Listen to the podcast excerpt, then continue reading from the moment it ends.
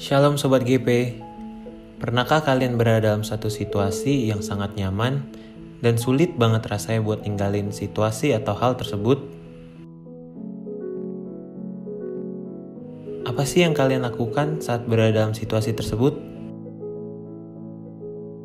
Dalam episode kali ini, kita akan dengerin sama-sama mengenai apa yang Tuhan mau berkaitan dengan zona nyaman ini. Yuk, langsung aja kita dengerin podcast berjudul zona nyaman mode off. Selamat mendengarkan ya. Tuhan berkati.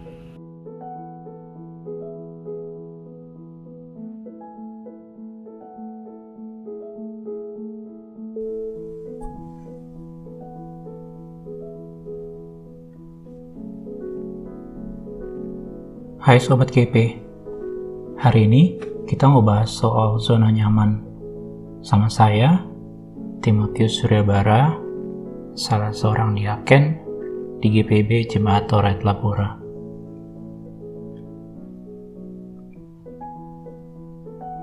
Sebelum berkeluarga, di rumah kami ada sofa yang baru kami beli dan cukup untuk saya atau yang lainnya duduk santai dan rebahan. Gak mewah atau besar, Bahkan kalau mau jujur, nggak terlalu bagus juga. Bentuknya simple, warnanya abu-abu, bahkan kita belinya pas diskon di toko furnitur. Kami beli sofa ini karena harganya dan kami juga butuh sofa buat di rumah. Ketika sofa udah dipasang dan bisa diduduki di rumah, kami meletakkannya di ruang tamu. Saya duduk di sofa ini dan love affair was born. Ini sofa saya. Ini spot saya. Setelah seharian penuh bekerja dan melewati kemacetan, yang diinginkan di akhir hari saya adalah duduk di sofa tersebut. Bahkan, sofa ini sangat berkuasa. Saya akan menyelesaikan segala tugas seperti merapikan barang sepulang dari kantor, mandi, menyiapkan makanan kecil dan air minum, atau tugas lainnya sebelum akhirnya duduk di sofa tersebut. Karena saya tahu, kalau saya sudah duduk di sofa tersebut, hari ini sudah selesai. Dan tidak ada yang bisa membuat saya kembali berdiri dan melakukan hal lain. Gak perlu dibilangin lagi, kalau sofa ini adalah zona nyaman saya. Zona nyaman suka dibicarain secara negatif. Orang selalu bilang ke kita, keluar dari zona nyaman lo. Tapi, seperti banyak hal dalam hidup kita, keseimbangan dalam hidup adalah kunci dari zona nyaman. Dan kita manusia nggak terlalu bagus dalam menyeimbangkan. Apa salah seorang pekerja yang telah pergi di pagi hari dan pulang melewati segala drama kehidupan kota metropolitan setelah seharian bekerja keras, ingin bersantai di sofanya? Tentu enggak lah ya. Pada saat tertentu, kita juga bisa menggunakan sofa ini saat di rumah nggak ngapa-ngapain. Ketika ngerasa stres, nyalain TV, dan menjadi terpisah dengan orang lain secara emosional maupun fisikal. Saat kita menggunakan zona nyaman kita seperti ini, itu menjadi hal yang buruk bagi hidup kita. Ketika kita menggunakan zona nyaman untuk menghindari hidup, tugas, dan tanggung jawab yang diberikan Tuhan kepada kita. Zona nyaman menghalangi kita secara rohani. Terkadang kita sebagai pemuda Kristen membangun dunia kecil di sekeliling kita yang bisa kita sebut sebagai zona nyaman kita.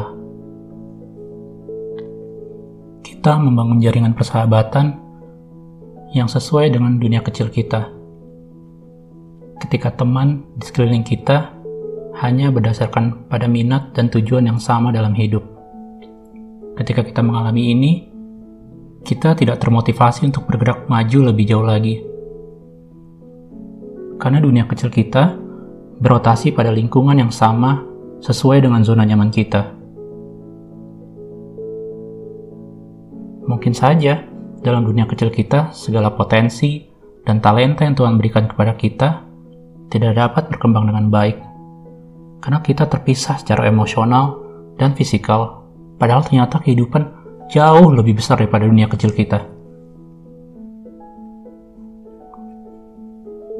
Kamilah tanah liat, dan engkaulah yang bentuk kami, dan kami sekalian adalah buatan tanganmu. Itu seruan Nabi Yesaya, sembari mengakui dosa-dosanya dan dosa-dosa bangsanya di hadapan Allah. Dari Yesaya 64 ayat ke-8. Sebelum menjadi bejana yang indah dan berguna, tanah liat harus melewati serangkaian proses pembentukan. Pertama-tama, pembuat bejana akan membersihkan tanah liat dari segala macam kotoran yang melekat. Setelah itu, ia akan menekannya berulang-ulang sampai lembut dan mudah dibentuk. Ia lalu akan memanaskan tanah liat yang sudah dibentuk pada suhu yang tinggi. Semua proses ini sama sekali tidak menyenangkan. Tapi jika tidak dilakukan, tanah liat akan tetap menjadi tanah liat dan tidak akan berubah menjadi bejana yang indah. Begitu juga lah kita manusia. Terkadang kita takut akan apa yang akan kita hadapi kalau kita keluar dari dunia kecil kita. Kita takut bahwa kalau kita keluar, maka kegagalan dan tekanan akan mendera kita. Tapi kita harus sadari, segala tekanan dan kegagalan yang kita hadapi akan bentuk apa yang akan menjadi kita di masa depan. Alkitab nggak bilang secara terang benderang soal zona nyaman. Tapi ketika ngomong soal zona nyaman, kita ingat soal Abraham. Kitab Kejadian pasal 12 ayat 1 berkata, Berfirmanlah Tuhan kepada Abraham, Pergilah dari negerimu dan dari sanak saudaramu dan dari rumah bapamu ini ke negeri yang akan kutunjukkan kepadamu. Bicara soal keluar ke tempat yang gak kalian tahu sama sekali, ayat ini menggambarkan secara jelas apa yang harus dihadapi oleh Abraham. Untuk memahami lebih jauh soal apa yang diminta oleh Tuhan dari Abraham, kalian harus sadar kalau pada masa ini dan pada bagian dunia ini, keluarga tidak hidup terpisah. Anak-anak tidak hidup jauh dari rumah keluarganya. Keluarga adalah klan dan suku yang terdiri dari beberapa keluarga yang hidup dan bekerja bersama. Sebuah kota atau desa hanyalah beberapa keluarga yang saling berhubungan bersatu. Kenapa? Karena pada saat itu, itu adalah satu-satunya cara untuk selamat. Jadi, ketika Tuhan meminta Abraham untuk keluar dari negerinya dan meninggalkan keluarganya, itu bukan hal yang kecil.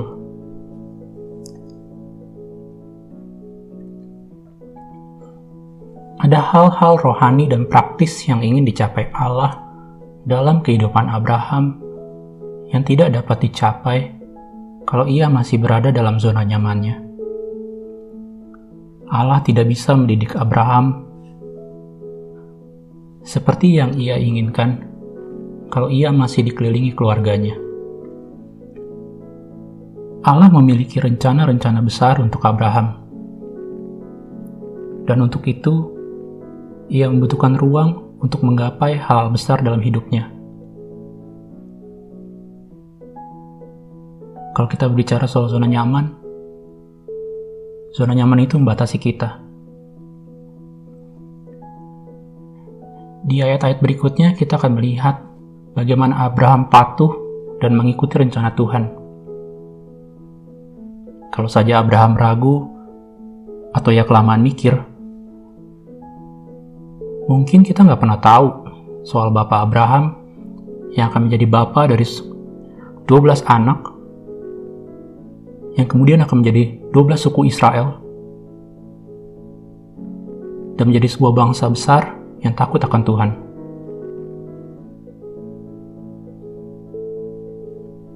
Kadang saya juga ngalamin hal, -hal seperti ini. Saya ngerasa buncit, tapi malas olahraga. Pengen beli laptop baru, tapi malas nabung. Atau bahkan buat sebagian orang, zona nyaman mereka adalah komentarin orang lain atau kegiatan yang kita lakuin. Mereka nggak mau keluar dari zona nyaman mereka dan terlibat dalam kegiatan yang kita lakuin. Karena komentarin lebih enak daripada ngerjain. Masa depan kita nggak tahu apa yang akan terjadi. Tapi kita bisa mempengaruhi apa yang akan terjadi di masa depan. Saya teringat satu tokoh dalam film kartun Kung Fu Panda, Master Oogway, si kura-kura, dia bilang gini, Yesterday is a history, tomorrow is a mystery, but today is a gift. That is why it's called present. Hidup kita yang kemarin itu udah jadi sejarah dalam kehidupan. Besok adalah sebuah misteri. Tapi hari ini adalah anugerah. Karena itu disebut sekarang. Sekarang yang diartikan secara rafia dari kata present. Tapi present juga bisa kita artiin sebagai hadiah, pemberian, atau kado.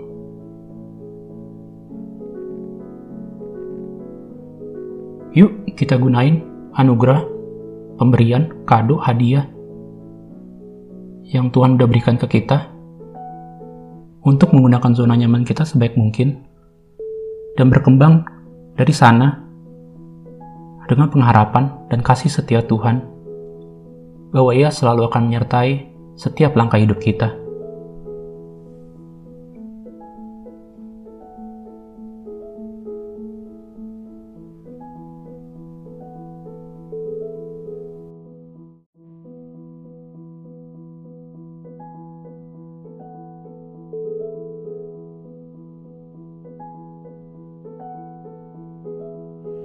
Shalom Sobat GP Pernahkah kalian berada dalam satu situasi yang sangat nyaman dan sulit banget rasanya buat ninggalin situasi atau hal tersebut?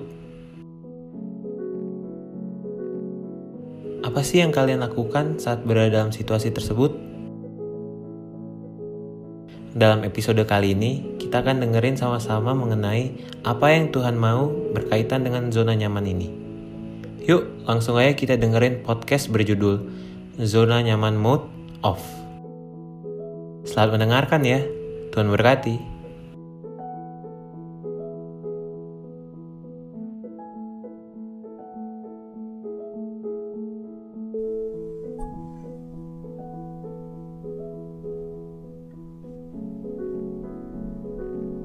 Hai Sobat GP, hari ini kita mau bahas soal zona nyaman sama saya, Timotius Suryabara, salah seorang diaken di GPB Jemaat Toret Lapura.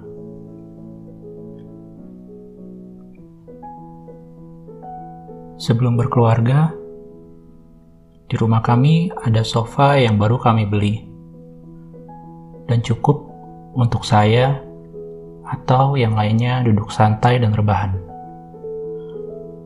Gak mewah atau besar, Bahkan kalau mau jujur, nggak terlalu bagus juga. Bentuknya simple, warnanya abu-abu, bahkan kita belinya pas diskon di toko furnitur. Kami beli sofa ini karena harganya dan kami juga butuh sofa buat di rumah. Ketika sofa udah dipasang dan bisa diduduki di rumah, kami meletakkannya di ruang tamu. Saya duduk di sofa ini dan love affair was born. Ini sofa saya.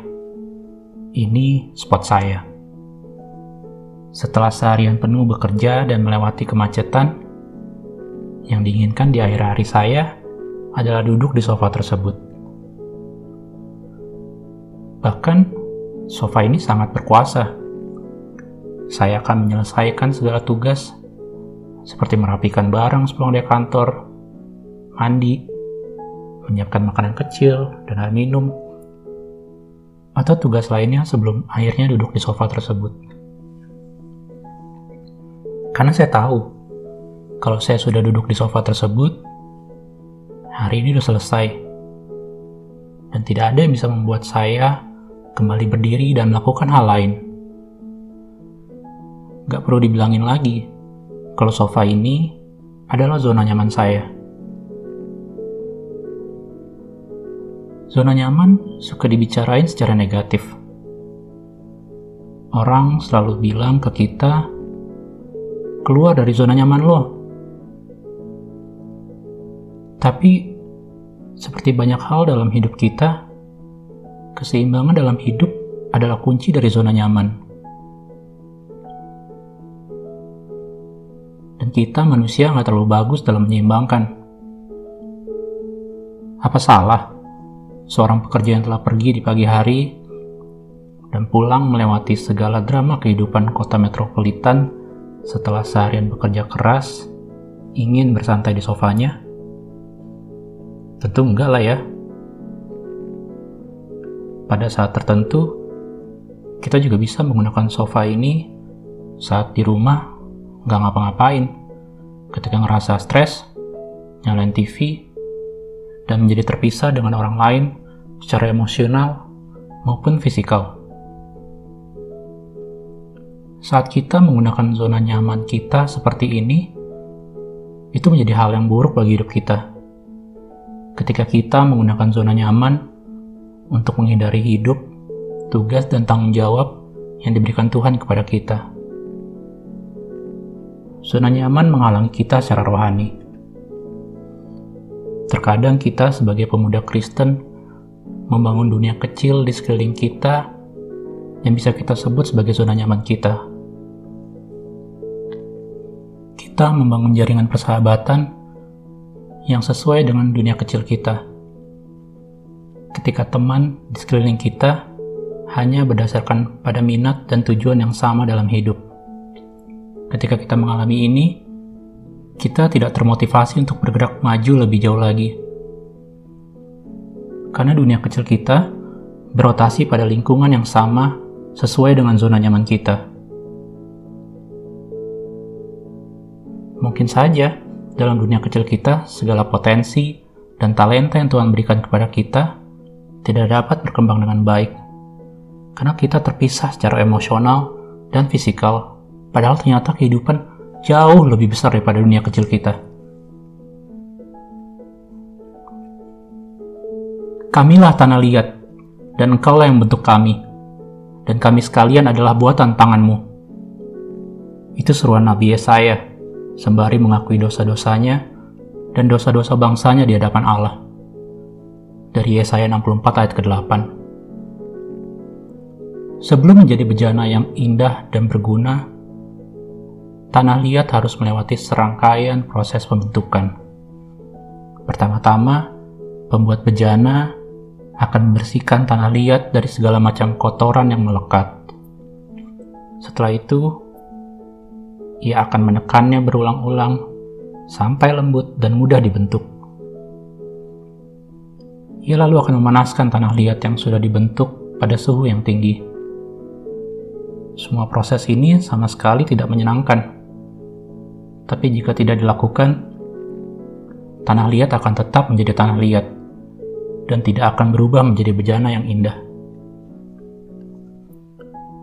Begitu juga lah kita manusia Terkadang kita takut akan apa yang akan kita hadapi kalau kita keluar dari dunia kecil kita. Kita takut bahwa kalau kita keluar, maka kegagalan dan tekanan akan mendera kita. Tapi kita harus sadari, segala tekanan dan kegagalan yang kita hadapi akan bentuk apa yang akan menjadi kita di masa depan. Alkitab nggak bilang secara terang benderang soal zona nyaman. Tapi ketika ngomong soal zona nyaman, kita ingat soal Abraham. Kitab Kejadian pasal 12 ayat 1 berkata, Berfirmanlah Tuhan kepada Abraham, Pergilah dari negerimu dan dari sanak saudaramu dan dari rumah bapamu ini ke negeri yang akan kutunjukkan kepadamu bicara soal keluar ke tempat yang gak kalian tahu sama sekali, ayat ini menggambarkan secara jelas apa yang harus dihadapi oleh Abraham. Untuk memahami lebih jauh soal apa yang diminta oleh Tuhan dari Abraham, kalian harus sadar kalau pada masa ini dan pada bagian dunia ini, keluarga tidak hidup terpisah. Anak-anak tidak hidup jauh dari rumah keluarganya Keluarga adalah klan dan suku yang terdiri dari beberapa keluarga yang hidup dan bekerja bersama. Sebuah kota atau desa hanyalah beberapa keluarga yang saling berhubungan bersatu. Kenapa? Karena pada saat itu, itu adalah satu-satunya cara untuk selamat. Jadi, ketika Tuhan meminta Abraham untuk keluar dari negerinya dan meninggalkan keluarganya, itu bukan hal yang kecil.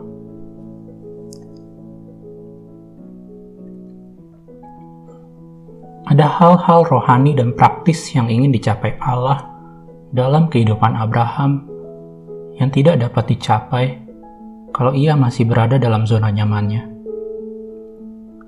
Allah tidak bisa mendidik Abraham seperti yang ia inginkan kalau ia masih dikelilingi keluarganya. Allah memiliki rencana-rencana besar untuk Abraham. Dan untuk itu, ia membutuhkan ruang untuk menggapai hal besar dalam hidupnya. Kalau kita berbicara soal zona nyaman, zona nyaman itu membatasi kita. Di ayat-ayat berikutnya kita akan melihat bagaimana Abraham patuh dan mengikuti rencana Tuhan. Kalau saja Abraham ragu atau ya kelamaan mikir, mungkin kita nggak pernah tahu soal Bapak Abraham yang akan menjadi Bapak dari 12 anak yang kemudian akan menjadi 12 suku Israel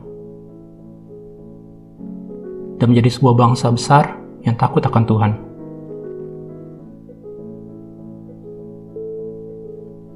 Kadang saya juga ngalamin hal, hal seperti ini. Saya ngerasa buncit, tapi malas olahraga. Pengen beli laptop baru, tapi males nabung. Atau bahkan buat sebagian orang, zona nyaman mereka adalah komentarin orang lain atau kegiatan yang kita lakuin. Mereka nggak mau keluar dari zona nyaman mereka dan terlibat dalam kegiatan yang kita lakuin. Karena komentarin lebih enak daripada ngerjain. Masa depan kita nggak tahu apa yang akan terjadi. Tapi kita bisa mempengaruhi apa yang akan terjadi di masa depan. Saya teringat satu tokoh dalam film kartun Kung Fu Panda, Master Oogway, si kura-kura. Dia bilang gini, Yesterday is a history, tomorrow is a mystery, but today is a gift. That is why it's called present. Hidup kita yang kemarin itu udah jadi sejarah dalam kehidupan. Besok adalah sebuah misteri. Tapi hari ini adalah anugerah. Karena itu disebut sekarang. Sekarang yang diartikan secara rafia dari kata present. Tapi present juga bisa kita artiin sebagai hadiah, pemberian, atau kado.